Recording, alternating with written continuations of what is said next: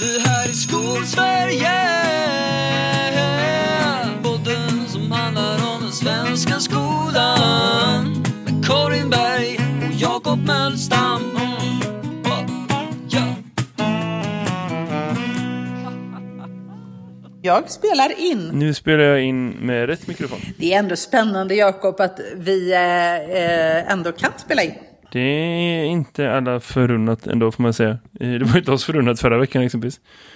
Eh, Men nu är vi ändå här. Ja! Jag har inte kommit ihåg att kolla vilket nummer vi är på, på hur länge som helst. Nej, egentligen är ju det bara kuriosa. Men, men man, det, man kan ju veta att det är väldigt många avsnitt. Om man nu tycker att det är intressant. Ehm, ja, Ja, för alltså, om man tänker på det här med poddar och så, jag vet inte hur du är, men jag, jag sträcklyssnar ju bakåt liksom. Man lyssnar ju på det senaste, bara, ah, det var intressant, så går man tillbaka och lyssnar några avsnitt, går man tillbaka och lyssnar några avsnitt. Jag har nog aldrig lyssnat på en podcast i kronologisk ordning. Jo, du vet med lite andra podcasterna, de här som är serier typ. Dolly Partons America lyssnar jag på i kronologisk ordning såklart. Eh, Den här om eh, eh, konspirationsteorier i musikbranschen, vad heter den? Wind of Change, den har jag lyssnat på i kronologisk ordning. Eh, eh, Ronan Farrows podcast lyssnar i kronologisk ordning. Men annars, nej. Alltså vanliga poddar gör man inte det. Så du, du har rätt faktiskt. Eh, avsnittsnummer spelar mindre och mindre roll nej men precis. Jag lyssnar på senaste avsnittet om det är något jag inte är intresserad av. Och så kan jag lyssna på något gammalt men också några liksom, avsnitt framåt om jag börjar följa podden. Eh, eller så, om det inte är någon fackpodd som diktatorer nu för alla historielärare där ute. Jäklar vilken bra podd. Den skulle man om man är gymnasielärare, sitter fast i distans eh, distansträsket och behöver ha bra material till eleverna. Eh, Parisa Amiri gör en podd om historiska diktatorer. Fantastiskt jäkla material. På Spotify exklusivt för alla. Eller något. Om man inte. tröttnar på nutida diktatorer med andra ord. Ja, Ja, men lite så. Bra. Men lite för att vi ska förstå nutida diktatorer. Eh, förra veckan så handlade det om Kleopatra, bara en sån sak. Eh, massa spännande saker fick jag lära mig om Kleopatra. Men det är ändå en podd jag kommer att checka in sen när vi har spelat färdigt. Så jag, jag tror verkligen det är en av de första tipsen eller idéerna eller spaningarna eller vad man säger i den här eh, podden. Ja, Karin, hur är läget annars då? Två veckor sen sist. Jo, Vad har du haft på gång? eh, jag har inte haft corona, men jag har fått ta reda på om jag hade eller inte. Det var väldigt, det var väldigt roligt. det var en ny erfarenhet. Ja. Eh, Har du inte testat förut? Nej. Nej, nej, utan jag eh, fick gå hem med, eh, här i veckan, fick jag gå hem med milda symptom. Eh, och kände mig, liksom så här, jag hade precis fått en VFU-student, helt ny. Lite sådär, ganska mycket att göra. Hade varit de senaste veckorna därav podduppehållet, kan man väl säga. Jag var nog aldrig varit så död som jag var i fredags. Förra veckan. Så att eh, den här veckan var ju liksom maxad till ja, bredden och så får jag gå hem med milda symptom och kan inte jobba, eller får inte vara på plats. Jag kan ju jobba på distans men ändå. Eh, och Ja. då får jag ett test hemkört till mig. Eh, man anmäler sig till sin chef och så kör de hem ett test. Så gjorde jag testet hemma, hon kör iväg med det till en bil, till ett labb och dagen efter, ja, någon, mm, jag vet inte vad klockan var. Eh, jo, igår kväll klockan 10 så fick jag grönt ljus och då var jag ganska symptomfri och fick gå till jobbet idag. Gud så bra. Så det var ett sånt test för förekomst av corona liksom? Det var inga antikroppar utan bara om du har det eller inte? Ja, precis, precis. Är jag en smitthärd behöver jag låsas in. Ja, just det. Just det, precis. Det är ju ändå ett spännande äventyr. Eh, så. Jag har gjort sådana ett par gånger nu. Jag känner att jag, jag är färdig med det. Jag behöver inte testa fler gånger. Eh, så. Jag har inget emot att testa fler gånger, ska jag säga. Jag ska inte, för att inte framstå som någon annan, men eh, ja, det är ingenting som kittlar mig annat än delar av kroppen där jag inte trodde något skulle kittla mig. Typ. Nej men precis. men jag vet inte, jag tycker ju mest att det var viktigt att, att faktiskt få, eh, att jag tyckte det var bra att det fungerade så väl. Eh, men sen började man ju fundera och känna efter hysteriskt om man, man verkligen hade den där jäkla, för att det vill man ju inte ha. Eller jag vet inte, jag, eh, ja, man kan ju ha dem, det var så här enkelt att ha det tänkte jag. Men, men just, man har ju, ja. Eh, man har ju respekt för den där sjukdomen, till skillnad från vissa andra världsledare som verkar tycka att, jag vet inte, det är väl en Nej. parentes. Det är verkligen en parentes på många sätt och vis. På många sätt. Mm. Mm. Men vad har du haft för dig de senaste två veckorna? Ja, vad har jag för mig de senaste två veckorna? Alltså du vet, det har varit så intensivt. Jag minns knappt vad som har hänt de senaste två veckorna. Det känns som att den här helgen helgen den här veckan har försvunnit. Jag är fortfarande kvar i förra helgen. Mm. Men, men eh, det, alltså fysikens lagar funkar inte så. Men, men det känns som att allting bara står still. Eh, nej, men det, alltså det har varit... Eh, men så här, du vet, saker börjar sätta sig. Man, man liksom... Jag jobbar med en verksamhet som är all, hälften av alla kollegor är nya. 100% mm. av alla elever är nya. I ett helt nytt arbetslag, en helt ny så. Det är många saker som ska liksom kommas in i. Och så mm. börjar jag komma in i mer och mer och så. Så det är spännande. Jag hamnade i en situation förra veckan där jag hade ett gäng, alltså inga våra vanliga scheman eller rutiner det så riktigt funkade att upprätthålla. Och sånt händer ju lite då då i en normal pedagogisk verksamhet. Mm. Då hade vi ganska, okej okay, men nu får vi planera lite på fötterna, vi bara kör, liksom så. Mm. Vi styr upp det här, vi fixar så här och nästan alla elever var med på det. Alltså de var supermed allihopa, så bra som de kunde. Mm. Och liksom eh, kollegor, vi jobbade upp som ett team, det funkade asbra. Gick hem tvärslut på energi. Men eh, också med en så här asbra dag i ryggen. Och det var nice. Mm. Mycket till grund av, här kommer mitt första tips om. Du tipsade om flashiga poddar med så här flashiga människor. Eh, så kontrar jag med eh, Riksantikvarieämbetet. Deras hemsida raa.se. Mm. Eh, finns det en funktion som heter Fornsök. Mm. Som är en sökmotor för att söka på fornminnen. Som är baserad på en karttjänst. Så du går in och söker, eller kan du bara klicka så här, här i näten där jag är nu. Och mm. så hittar man eh, fornminnen eh, i närheten. Riktigt mm. bra! Jag hittade ett par riktigt briljanta eh, fornminnen i närheten av skolan där jag arbetar. Och det blev min räddning den dagen, ska jag be att tala om. Det har man stor nytta av. Eh, plus att det är grymt intressant. Har du koll på eh, vilka fornminnen som finns närmast där du bor? Mm, alltså jag bor ju uppe vid Stora Torp. Fornminnen, hur gammalt måste det vara då? Allting före 1600 tror jag. Jag är inte helt säker, jag ska inte svära på det. Nej, men det finns ju lite grejer sånt där uppe i Skatås tror jag.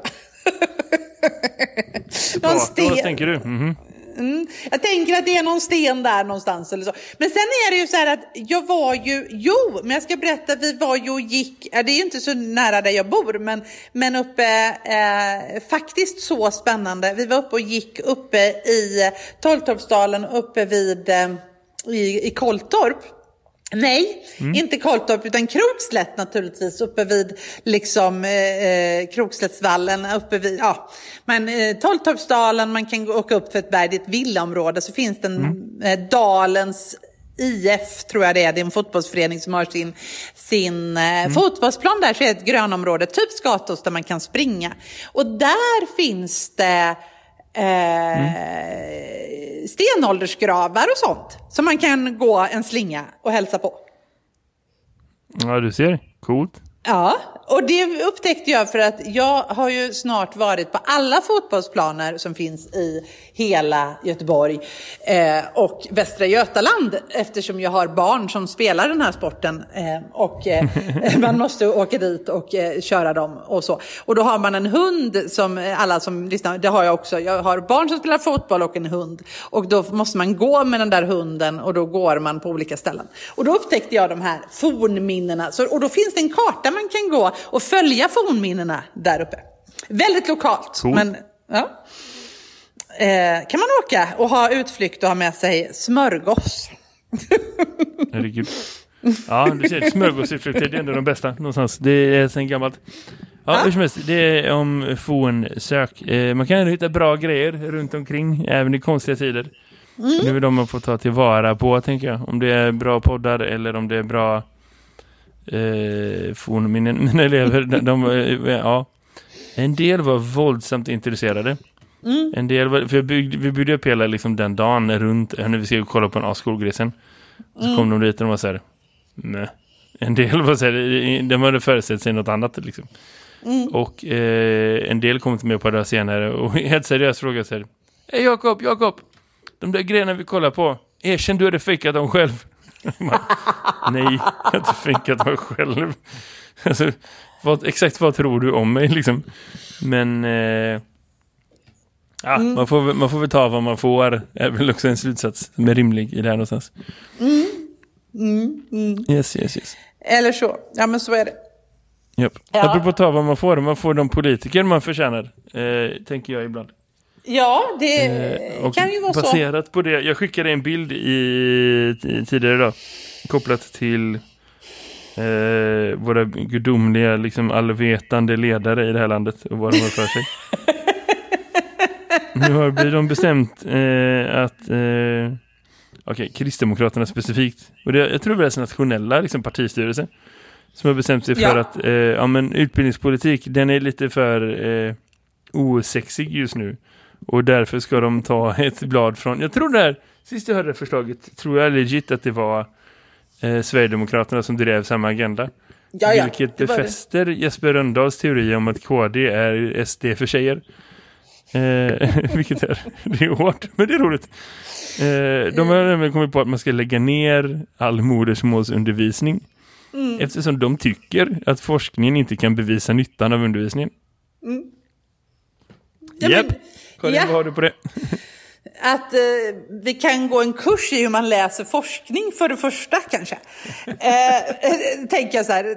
Jag tror att du och jag just nu går en kurs som handlar om hur man läser forskning bland annat. Ja. Men det är ett separat ärende. Det är helt separat ärende. Men, men ja, och jag, jag eh, nej, jag, det tänker jag. Och så tänker jag att eh, är vi inte förbi just den diskussionen? Den har vi väl haft klart? Den hade vi väl, vadå, 85? Eller? Ja. Alltså det känns ju så, så mossigt så att jag orkar inte. Och den diskussionen... Alltså det finns ju liksom få saker, jag, jag tror man kan på en hand kan räkna saker som har på riktigt starkt forskningsstöd. Men så här, det här är så vattentätt att liksom det hade varit som att ifrågasätta vad som är upp och vad som är ner när det kommer till liksom utbildningsvetenskap. Eh. Och, och egentligen, min bild är så här, om, det, om det är fem saker, jag kan inte lista fem saker just nu, men säg att det är fem saker, då är det fyra av dem om hur man, om språk. Så. Vi vet extremt mycket om hur man lär sig språk ändå. Vad som är effektivt, vad som inte är effektivt, vilka metoder. Alltså det är liksom ett noggrant beforskat område.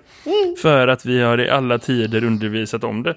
Och ja, man har haft perioder när man varit så här, nej, nej, nej, du är bättre bara tvinga dem att använda det nya språket för då kommer de komma in i det. Men det var som sagt på 60-70-tal mer än någonting annat kanske. Eh, och, och det finns ändå ganska legit bra forskningsstöd från många olika delar av världen som handlar om hur elever lär sig liksom nya språk, särskilt så här när man kom från början prata ett annat språk. Så. På engelska pratar man om English as a second language learners. Eh, ja, men så här, svenska som andra språk, liksom elever så. Eh, elever som kvalificerar till modersmålsundervisning överhuvudtaget. Det är det är brutalt eh, modigt av dem, om man vill säga det fint. Att, att, att man ger sig in på ett område som är så tydligt beforskat, där man vet att liksom faktiskt två saker. Dels att liksom elever som får eh, lära sig både liksom mer av det språk som man kan sedan tidigare och att man får hjälp med studier på det språket. Det är inte modersmålsundervisning utan studiehandledning, men liksom de två komponenterna, särskilt när de samverkar, är så himla effektivt. Eh, och det är liksom inte svårare att ta reda på än att typ googla så här, Skolverket, modersmålsundervisning, forskning. Då kommer det upp liksom eh, i superstabila sammanställningar. Eh, och då tänker du, Jakob, har du förberett dig överhuvudtaget för den här podden? Ja, det har gjort. För att jag har googlat på precis de grejerna. Eh, och hittat eh, en sammanställning som är från, det var det jag ville ta fram. Eh, för det är ändå lite relevant när det är publicerat. Ja, men så här, forskning som jag får kommer från 2018 senast då. Svensk forskning gjord vid Stockholms universitet där man går igenom och bara kollar det här funkar så här. Det är inte så himla liksom, kontroversiellt. Det är ingenting som man behöver liksom, ifrågasätta utan det är så här, nej, nej men det funkar. Man behöver inte vara mer orolig för det än så. Eh, men eh, det här är ju naturligtvis inte fråga om att liksom, eh, Kristdemokraterna har någon sorts där, eh, nyfunnit intresse för vetenskap om skola. Utan det handlar om att man letar efter argument som kan berättiga en förändring som man själv vill se. Eller hur? Ja, ja, ja, ja, och att man vill spara pengar tänker jag. Det är ju jättemycket enklare. Om vi tar modersmålspengarna så kan vi ta dem någon annanstans. Liksom. Och sen är det populistiskt. Det är ju jättepopulistiskt. Mm. Det handlar ju om att närma sig SD på något sätt utan att det... Eh, någonstans där det är liksom rumsrent. Modersmålsundervisningen, man tänker att eh, ja, den kan vi ta. Den är nog inte så farlig. Hur skulle man motivera, liksom, om, om, man, om man bara ska tänka något politiskt och inte tänka faktabaserat, för det är det som jag tror någonstans är problemet när, när liksom tjänstemän diskuterar politiker och politik, att man förstår inte att det handlar inte om fakta, det handlar om politik. Mm, mm, eh, och mm. politik handlar om känslor och så. Vad skulle vara det känslomässiga argumentet för att eh, genomdriva en förändring som man vet är dålig? Så. Är det liksom att, att Sven Bananföräldrar tror att deras barns utbildning kommer få kosta mer om inte skolan lägger pengar på modersmålsundervisning? Är det det man tänker? För det är väl uppenbart Eh, endast rimligt om man någon gång inte har, alltså om man aldrig någonsin har träffat en rektor eller aldrig någonsin har träffat en skolorganisation liksom, organisation från insidan och sett att alla pengar försvinner direkt. liksom, det är ju ingenting som får kosta på det sättet. Alltså så. Ja, men jag tror också att det känslomässiga begreppet är ju, alltså det, det finns ju väldigt mycket tyck tyckande och det, det, finns ju tyckande i att, ja men det är väl, det, det, måste ju säga sig självt att det bästa vore om, alltså det, det blir ju lite som med samiskan, alltså man Aha, fick inte prata menar, typ, de borde lära sig svenska först, grejen ja. typ. Det är att folk tror att det är rimligt för det låter vettigt. Ja, men då kan vi, då kan vi göra liksom en, en allmän så här eh, liksom upplysningstjänst som man gärna får dela vidare till eh, vänner och bekanta som tror de kan någonting om lärande och utbildning och så.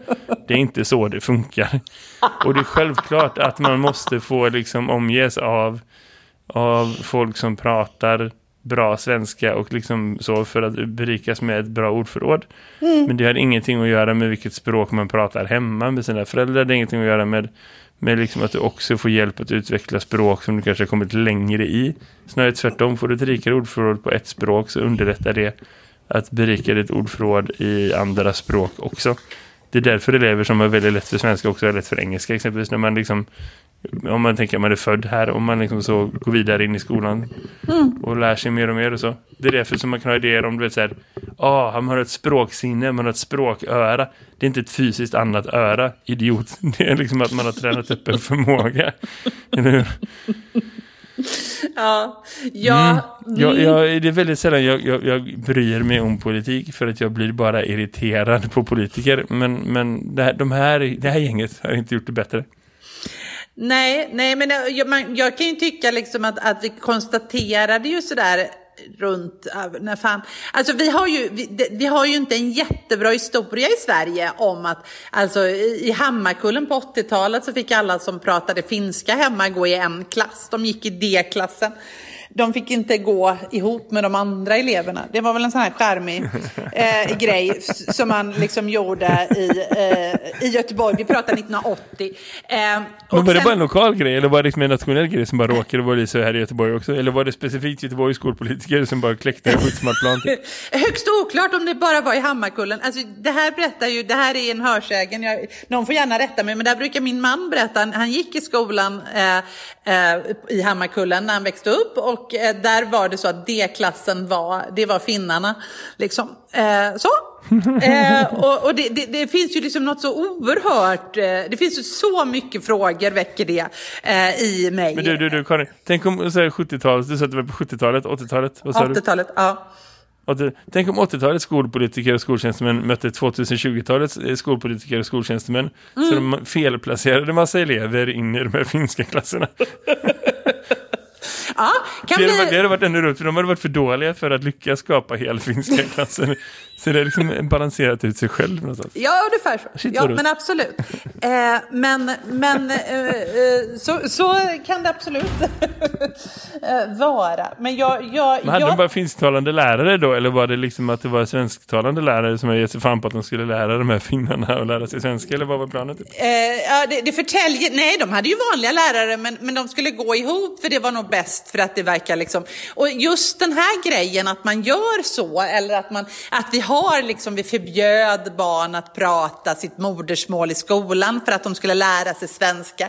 Allt det där har vi ju liksom kommit fram till var jättefelaktigt och djupt kränkande mot deras mänskliga rättigheter. Alltså människor, man kan inte förbjuda språk, man kan inte, man, man ska uppmuntra språk och en demokrati den, där liksom eh, underblåser man människor att utvecklas på det språk som de har. Alltså det finns ju liksom, det är något djupt demokratiskt i det där och eh, eh, alltså egentligen så är det djupt odemokratiskt att, att eh, komma med ett sånt här förslag även om, om det är liksom lite förtäckt i att ja, vi ska stryka modersmålsundervisningen. Men det är såklart ska vi inte eh, liksom förbjuda några språk men det är ju nästa steg och sen alltså, det, det där är ju bara någonting som trappas upp. Det, det är ju någonting, eh, varför ska vi ge oss på den grejen? Finns det ju ingen Men om, om man anledning. skulle ta det från ett annat perspektiv, det här demokratiargumentet, för jag förstår vad du menar, men man kan ju också tänka att det är grymt demokratiskt viktigt att alla lär sig att prata svenska liksom så.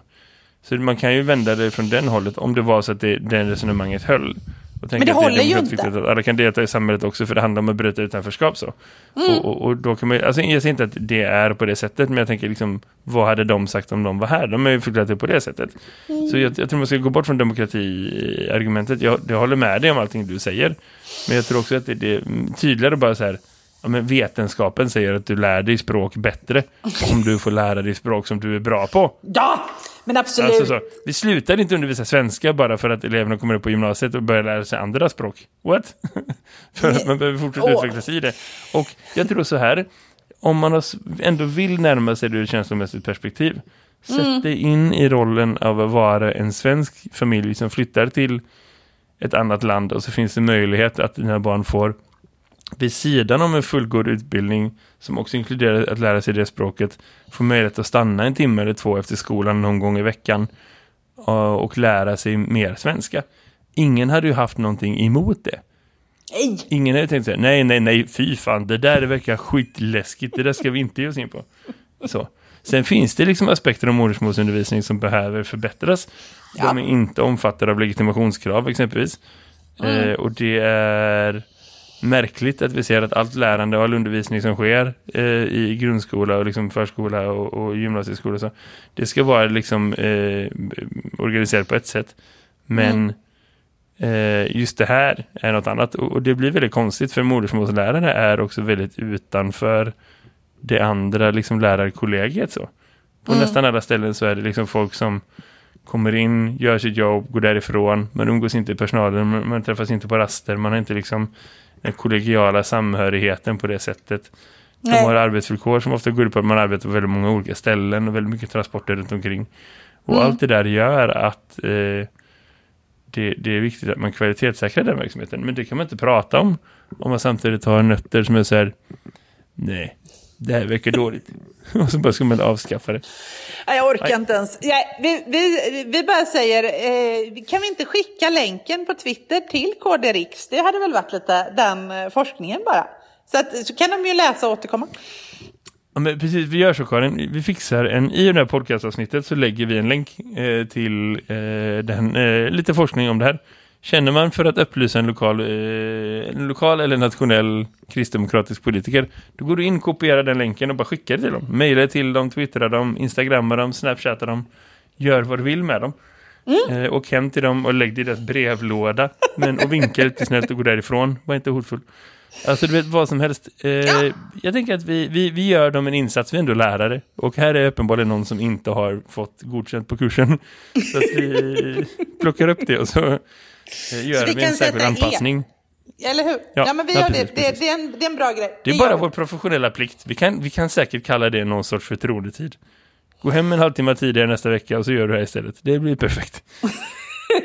Och frågar chefen, vart ska du gå? Då säger du, Jakob har sagt och Karin har sagt att jag ska göra det. Och så är det perfekt. Det är superbra. Eller hur? Skicka det till mig, det blir bra. Jag, jag skriver på. men det, det, det är jättebra grej. Eh, Men på det här temat faktiskt, måste jag ändå säga, jag vill, eh, för det där tycker jag vi gör. Eh, För att på det här temat så har vi ju lite, jag har lyssnat på ytterligare en podd i, faktiskt i veckan. Eller jag vet inte varför jag har hunnit det, för att det känns inte som jag har hunnit någonting. Men jag har lyssnat på eh, Els-Marie Hallqvist som har pratat i Kornhall och eh, Ingela Nets har någon, slags, eh, någon podd om, där de pratar om skola. Och så hade de bjudit in Els-Marie i senaste avsnittet. Och Els-Marie är ju faktiskt då eh, numera rektor på den skolan som hade finskklasserna. Det var ju roligt det, eh, på 80-talet. Men hon var inte inblandad i det, ska man säga. Nej, hon var inte inblandad då. Men, men när, när min man gick, min man gick på den skolan som Else-Marie är rektor för nu, i Hammarkullen. Eh, faktiskt, eh, roligt. Eh, men det var en kuriositet. Men det som är grejen är ju den att hon pratar om eh, de, alltså just det som, som liksom egentligen, eh, vi, vi pratar om det här att man ska få en fullgod utbildning på svenska språket, man ska prata om, vi pratar om, och det som liksom egentligen KD och, och de här eh, partierna långt ut som, som, är, som är lite, eh, alltså som har lite brunt skimmer över sig. Om vi ska uttrycka oss De är lite rasistiska, säg som det är. Ja, eh, precis. Alltså, men, men också det här när man tänker att, att eh, den här superliberalismen där man tänker att allt löser sig bara alla får välja själva. Vi har ju en superliberal skola. Eh, sådär. Eh, vi har, alltså, Sverige har ju världens mest superliberala skola. Ibland så brukar vissa företagsledare som leder aktiebolag i eh, världen, eller i skolvärlden säga att Sverige är, man brukar beskylla oss för att vara kommunister och eh, allt möjligt i skolvärlden. Eh, men det är vi faktiskt inte, utan ingen annanstans i hela världen kan man göra vinst på skattepengar genom att driva skola. Det kan man bara i Sverige. Eh, och man kan Oreglerad också, vinst tror jag man behöver lägga in va? Vad sa Alltså, det du? inga det är inga rikt- alltså, oreglerad vinst va? Så man kan inte Ja. lägga in, man behöver inte ens redovisa vad man har gjort typ. Dessutom så är det ganska, det är en fri etableringsrätt för skolor eh, och så vidare och så vidare. Det finns massor med, med regler. Eh, våran skolmarknad är världsunik och ingen vill ha den. Och varje år sedan 1992 har den djupt eh, kritiserats av sådana där ekonomiska organisationer som OECD och annat. Just för att det skapar segregation, ojämlikhet och Eh, ganska otäcka saker. Eh, och det har gjort att vi har, liksom, det har skapat en möjlighet att glömma skolor eftersom marknaden då är tänkt att lösa den här typen av eh, skolproblem. Alltså att man, efter, genom att välja så kan du välja bort skolor och det gör att vissa skolor får väldigt många elever. Eh, Els-Marie berättar i den här podden att hon har fyra elever där båda föräldrarna pratar svenska på hela skolan. Resten har, har åtminstone en förälder som har ett annat modersmål än svenska på hennes skola. Eh, och det skapar ju någonting på en skola naturligtvis när, när det är så segregerat och så, eh, alltså du får ingen draghjälp av svenska språket till exempel. Eh, och det blir, och den skolan när hon kom dit så var det bara 40 procent tror jag som fick, eh, eh, fick eh, Jag tycker man ska lyssna på den här podden, men 40% fick betyg i alla ämnen när de gick ut årskurs 9 och så vidare. Och det här har fått pågå jättemånga år utan att någon har gjort något. Och när hon kom dit så undrade hon varför har ingen gjort något? Eh, och sen kommer då från staten ett fördelningsbidrag och då fördelar man pengarna jämnt. Men de, eh, för att man ska då stötta upp de här eleverna som är i behov av särskilt stöd. Men eftersom hennes skola var ju ett sånt superstort behov så fick de ju liksom lika mycket extra som alla andra på något sätt. Eh, och allt det här har ju liksom eh, varit... Eh, Eh, ja, hon berättar bara om svårigheterna där. Men, men för mig så, så blir det, de nämner inte det i den här podden, men jag tycker verkligen man ska lyssna på de förutsättningar som hon jobbar under, liksom så. Eh, när hon får prata ganska fritt och hon sticker ut hakan ganska mycket, så kan jag ju inte låta bli att känna att Ja, men hade man inte liksom Eh, haft det här systemet som vi har i hur vi skapar skola. Vi pratar om att vi är stolta i demokratin, vi är stolta eh, att det ska vara demokratiskt, att Sverige är liksom inte korrupt, vi är inte bla bla bla. Men samtidigt så är det ju så att i skolans värld så kan jag som en medveten mamma eh, liksom slå, eh, liksom armbåga mig mm. fram och sätta mina barn på en riktigt, liksom, jag, jag, vet vad jag vill ha mina barn på i för skola och kommer jag inte få mm. det så kommer jag bråka om det. Medan då andra barn har föräldrar som inte ens riktigt förstår det svenska systemet och inte hänger med om vad som händer för att man kom till Sverige för en mm. kvart sedan. Eh, och så kan vi inte riktigt ha det, utan vi måste liksom garantera, det måste finnas en garant i samhället att alla skolor är bra. Det är liksom så självklart. Vi kan liksom inte prata om bra och dåliga skolor. Eh, kan jag ju tycka. Nej, men självklart inte. Jag, jag förstår precis vad du säger. Och jag vill ta mig tid att lyssna på det här argumentet. För jag tycker att det är någonting i det som ändå skaver. I, i utförandet eh, av eh, så. Hur bland annat hon har gjort förut. För, för jag förstår poängen. Om man skulle kunna liksom likna det vid att men då tar hon den rollen av liksom, du vet, den medvetna svenskfödda föräldern som förstår systemet och som kämpar för de barnen på samma sätt som de som har föräldrar som gör det. Jag förstår mm. poängen och, och, och, det är jäkla fint att någon gör det inom ramen för systemet. Om man bara tänker här och nu, de som finns här precis framför mig, de har samma rätt som de som finns precis här och nu framför dig. Så. Mm. Men, men det löser inte ett brutet system. Och det är den lösningen vi behöver komma åt. Mm. Där det inte spelar någon roll om du har föräldrar som krigar eller inte. För att mm. alla blir behandlade liksom rättssäkert och liksom, mm. eh, rättvist och det finns liksom väl utformade system. Jag är ganska säker på att det funkar så att den extra liksom tilldelningen som görs mellan skolor mm. är baserat på hur många elever som uppfyller vissa kriterier. Så har du många elever som uppfyller vissa kriterier så får du ett annat liksom indexvärde och då får du andra pengar. Så att det, det balanseras upp på olika avancerade system. Och jag förstår att liksom varje sånt system och varje sån liksom pengapåse som ska fördelas blir en, ett till plåster på liksom ett berg som börjar vara ganska äckligt så. Så mm. att, jag förstår poängen med att så här, var och en av dem är inte bra och tillsammans är de säkert inte bra heller och det behövs något mycket, mycket bättre. Men liksom det är ofrånkomligt så att för varje person som krigar för dem som de har framför sig så är det någon annan någon annanstans som får det sämre. Så men precis, men det är precis... Och, och, om man har tur så, så är det de här liksom medelklass liksom... Om vi ska vara superkonkreta och säga exakt vad det är som du borde vara mm. så, så hoppas man ju så för att det liksom är lite övre medelklass liksom skolorna där en del krigar och en del inte gör det. Att det är därifrån de pengarna tas för det är där det gör minst skada. Mm. Och man i så fall liksom täpper igen hål där det verkligen, verkligen, verkligen behövs. Mm. Eh, så, och så blir det lite, lite bättre inom ramen för ett pajsystem. Men jag menar liksom, om, med samma logik skulle man kunna säga till varenda förälder som har någon åsikt eller något behov överhuvudtaget. Gör så här, skrik. Banka näven i bordet, kräver möte med rektorn, kräver möte med lärarna, kräver möte med specialpedagogerna. Skrik till dess att du får som du vill. Mm. Alltså det, det liksom har ju varit inom äh, samma lösning fast i ett mer mikroskopiskt perspektiv. Mm. Man kan se det till liksom invandrarföräldrar, du kan se det till föräldrar på välbeställda skolor i välbeställda områden. Det handlar om att lära fler människor i så fall att spela spelet. Och jag är inte mm. säker på att det är... Eh, jag förstår varför man gör det. Jag skulle aldrig någonsin säga att det är oschysst eller osolidariskt eller obra att göra det. För att jag hade mycket väl kunnat tänka mig att göra det om jag var rektor eller om jag var förälder. Så jag förstår poängen. Men det är inte lösningen som vi behöver. Och man får inte prata om ett paj skolsystem utan att säga de orden. Att det är inte lösningen som vi behöver.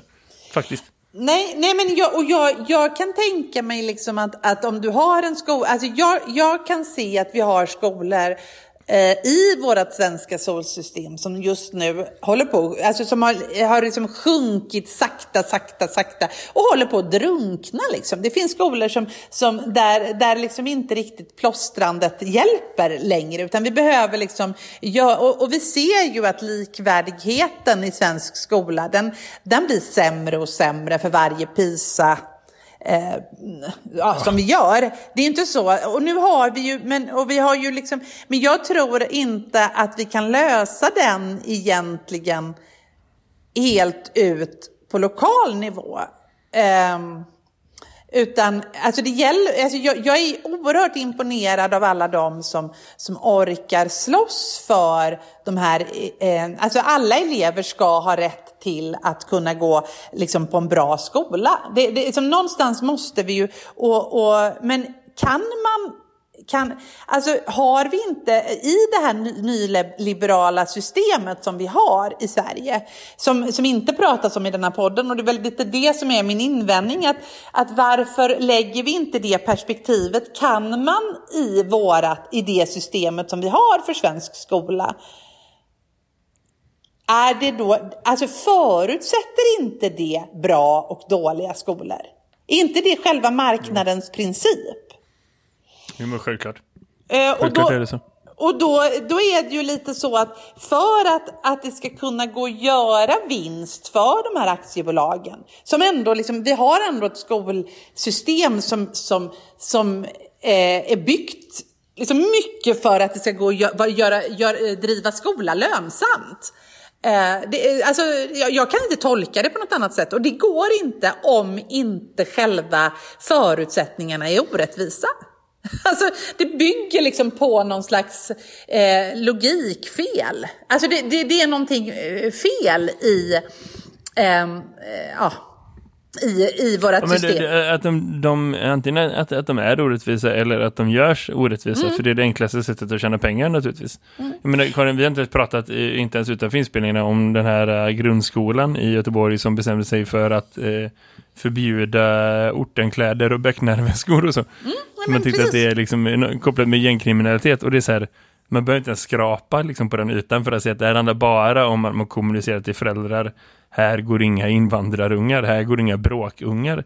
Här går bara fina barn, så här kommer dina fina barn få plats och det kommer vara bra. Och de kommer lära sig så mycket som möjligt, de blir inte störda, de blir inte irriterade. Och vad som egentligen finns under ytan är att här går bara billiga barn som är lätta att utbilda. Så att vi kan ta så mycket pengar som möjligt. Det handlar om att göra systemet orättvist.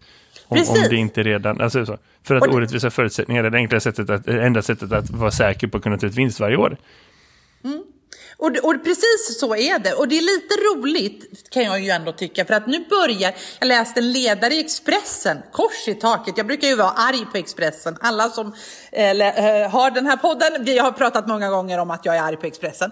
Det, men, men de skrev en ledare här om veckan där de just drog den här slutsatsen att Jensen borde inte få finnas i svensk skolsystem. Det var ju de som gjorde den här roliga grejen. Eh, där de, alltså man ska inte kunna göra så, eh, naturligtvis inom svenskt skolsystem. Man ska inte kunna ta vinst och så vidare och så vidare. och så vidare.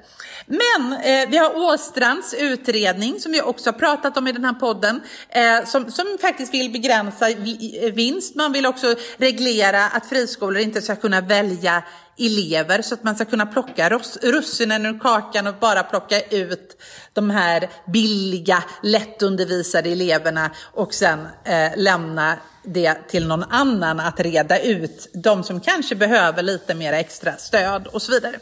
Men då det här blir ju otäckt då om du är aktieägare och eh, liksom jobbar med att eh, är entreprenör och grundare av till exempel Kunskapsskolan eller om du är koncernchef för Alminia eller vd för Ratio eller ägare av Danir mm. och så här. Om du är det så mm. börjar det bli lite jobbigt att finnas till i svenskt skolsystem.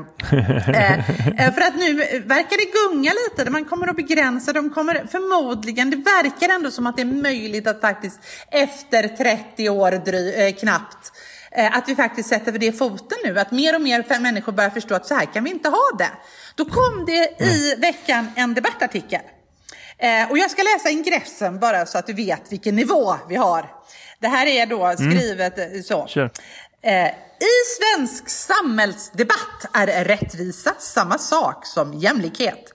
Därför vill man radera ut alla inkomstskillnader genom höga skatter.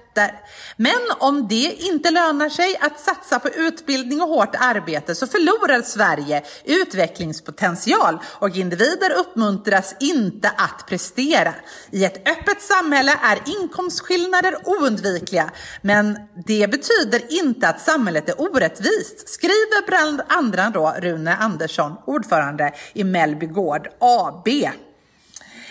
De drar alltså kommunistkortet. I Sverige är det höga skatter. De glömde bort att vi har haft Reinfeldtsregeringen som har sänkt skatten, jag vet inte hur många gånger, sju jobbskatteavdrag eller något. Eh, vi fick ju ett nytt jobbskatteavdrag bara nu under corona. Vi har inte så höga skatter som vi tror i Sverige eh, och så vidare. Och så vidare. Men de fortsätter här i den här texten om att det är likvärdighet. Alltså, det som stör mig mest i det är Ja. tanken hårt arbete ska löna sig. Ja, För, för vad tänker man är hårt arbete med att gå på en skola där eh, liksom prägen är superelit och där liksom företagsledningen beordrar lärare att sätta höga betyg oavsett resultat. Vad är det liksom i det som är, det känns lite grann som att så här, det är den idén av hårt arbete som Donald Trumps barn tror att de har genomfört i sitt liv för att komma till vad de är. Är du med? Det är bara, alltså, att glida på räkmackan är ju inte ett hårt arbete. Fan, de hårdast arbetande eleverna jag vet, det är ju de som alltså tar sig igenom eh, att lära sig ett nytt språk och som tar sig igenom att lära sig saker som deras klasskamrater lärde sig när de bodde i ett annat land. Är de, med? de som liksom ger sig fan på att så här, de- de ska lyckas, de ska ta sig hit för det är deras mål, för det är deras ambition, för det är de blir tillsagda innan de separerades från släktingar som de aldrig lär träffa igen. Alltså liksom, är du med? Där någonstans ska vi prata om vad är hårt arbete och vad är det som ska löna sig och hur organiserar man ett utbildningssystem som är lönsamt för de som arbetar hårt? Alltså, jag köper rakt av att vi ska ha en skola där hårt arbete lönar sig, absolut. Men vad är det för tecken på hårt arbete som vi pratar om? Om vi pratar om att Precis. övre medelklass, liksom, eh, familjer ska kunna liksom, eh, välja liksom, elitskolor där man har lättare att få bra betyg. Det är ju bara att de vill jobba lätt mindre.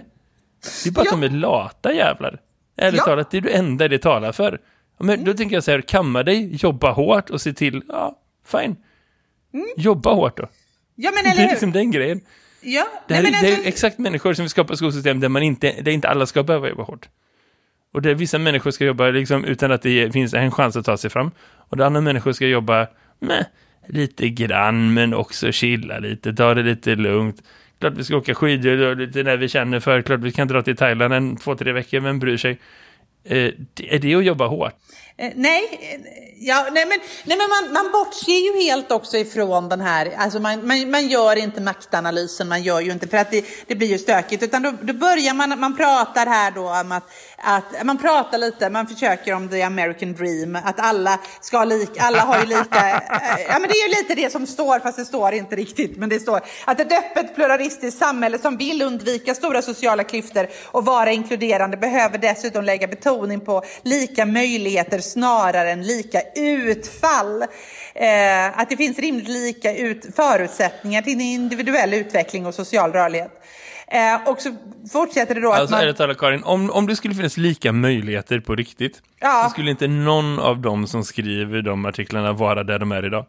Eller inte någon av dem skulle finnas där. Eller hur? De skulle liksom inte ens, de skulle inte ens ha ett jobb i ärlighetens namn. Det är ju det Alltså, som är så sjukt. Alltså, och, så, och så säger de då att den som väljer att ägna sin tid åt exempelvis kortsiktiga nöjen och dyr konsumtion snarare än att satsa på fortsatta studier och riskfyllt entreprenörskap och extraarbete eh, och så vidare. Eh, det måste, de måste få konsekvenserna av sina beslut och så föreslår de då någonting som de kallar att eh, ett rättvisare Sverige är när rättvis ojämlikhet åstadkoms. Rättvis ojämlikhet åtkomst, åt, åstadkoms, då är det rättvist när det är... Ja, nej. Det där, Nej, det där alltså- känns som att så här, det, det, jag, jag förstår vem de pratar med och jag förstår vad de försöker få dem att tänka. Men Eh, jag tror att alla här egentligen kan räkna ut vem det är som kommer ha det rättvist och orättvist. Vem det är som kommer ha det förfördelat och inte. Och jag hade varit eh, eh, mycket mer benägen att lyssna på det här om det också var så att de var beredda att ge upp sina egna fördelar. Men det är inte så klassamhället funkar. Nej, och det är inte så. Jag tänker ju också att, att någonstans så kan vi inte, alltså hela den här valfriheten och marknadsskolan som vi har grundar sig i att man som barn har föräldrar som kommer att skrika för en. Eh, alltså, hel, alltså hela idén med vår marknadsskola bygger på att, och alla föräldrar vill sina barn väl. Alla föräldrar vill att, sina barn, att det ska gå bra för sina barn i skolan. Eh, liksom, mm om vi, som det är ett antagande, jag har aldrig träffat någon förälder som inte vill det. Ja, jag har träffat socio, eh, liksom icke-fungerande föräldrar, eller liksom familjer, alltså föräldrar som, eller familjer som, som är i, i kris och kaos. Eh, men, men om vi liksom, vi kan liksom, det är ett grundantagande att man önskar att det går bra för sina barn i skolan. Men vi har olika förutsättningar att skrika om det och släpper vi en skola fritt eh, så blir det den som skriker högst som får det bäst. Eller den som har eh, liksom mest, bäst förutsättningar som får det bäst. Och nu har vi provat det här i 30 år och vi har fått det så. Och nu är Rune och Annette och Charlotte och Mariana och Peje och Anastasia och Nils och Dan och Karl Fredrik och Susanne eh, som har skrivit den här artikeln. De börjar ju bli lite nervösa över att nu blåser faktiskt vinden lite sakta åt att vi faktiskt ska strama upp och göra som alla andra länder i hela världen redan har gjort, nämligen begränsa den här fria etableringen och faktiskt göra, eh, försöka göra, ta ett steg åt att alla skolor faktiskt är bra skolor.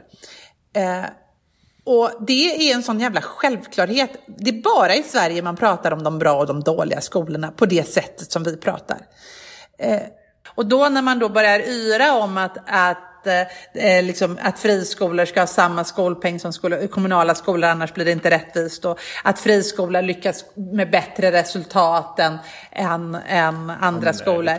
Det där är bara bullshit. Eh, så mycket bullshit. Och det är där någonstans man skulle önska, eh, för att det, det, krävs ju naturligtvis ett, efter 30 år av den här fullständiga utarmningen och det har blivit de här elit och eh, alltså bra och dåliga skolor och så vidare i våra förorter och så vidare.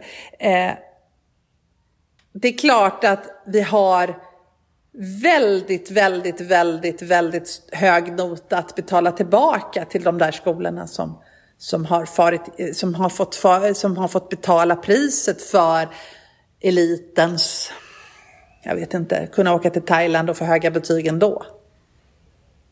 Mm. Mm. Du, vi måste hitta ett ställe att landa någonstans. Vi på hur länge som Nej, men vi landar där. Bra. Och det var det. Det var det. talat. Vi Eller... ett avsnitt av det här också. Jajamän. Det kanske inte kändes så förut, men vi har ändå landat där någonstans och det blir superfint. Karin, det var eh, faktiskt grymt energigivande och insiktsfullt att eh, prata med dig, som alltid. Eh, jag hoppas att du får en bra helg och så ses vi och hörs vi nästa vecka. Det gör vi. Ha det fint. Ha det gott, hej. Hej då. Du här i Skolsverige